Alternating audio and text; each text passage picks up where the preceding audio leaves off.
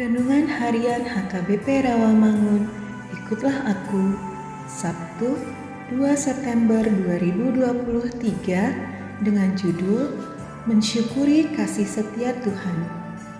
Bacaan kita pada pagi hari ini tertulis dalam Yeremia pasal 2 ayat 1 sampai 13. Dan bacaan kita pada malam hari nanti tertulis dalam Injil Markus pasal 10 ayat 17 sampai 27.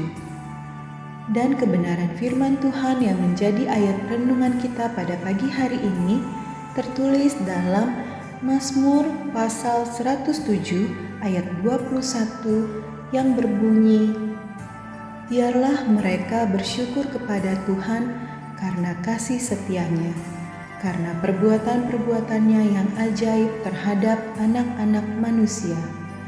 Demikian firman Tuhan. Sahabat ikutlah aku yang dikasihi oleh Tuhan Yesus. Mazmur 107 ini adalah nyanyian syukur dari orang-orang yang hidupnya telah diselamatkan Tuhan. Penyelamatan itu ada dalam tiga kategori, yakni Selamat dari pengejaran musuh yang telah mencerai beraikan, tertulis dalam ayat 1 sampai 7.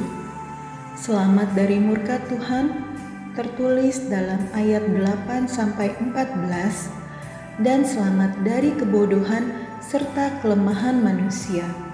Tertulis dalam ayat 15 sampai 22. Kebodohan manusia di sini adalah hidup yang tidak membawanya semakin dekat kepada Tuhan. Mereka telah keliru memahami hidup yang sesungguhnya dengan tidak lagi berada dalam terang firman Tuhan. Mereka telah terkurung oleh pintu-pintu tembaga dan palang-palang pintu besi, tertulis dalam ayat 16. Karena itulah, nyanyian syukur penyelamatan Tuhan ini selalu diakhiri dengan refrain lagu bersyukur kepada Tuhan karena kasih setianya, karena perbuatan-perbuatannya yang ajaib terhadap anak-anak manusia. Tertulis dalam ayat 8, ayat 15 dan ayat 21.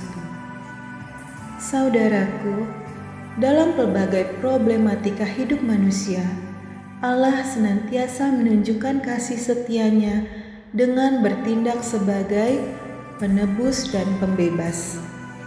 Karena itu, marilah senantiasa bersyukur kepada Tuhan atas segenap kasih setia dan perbuatannya yang ajaib. Yesus Kristus telah menyelamatkan kita dari kutuk atas dosa-dosa kita.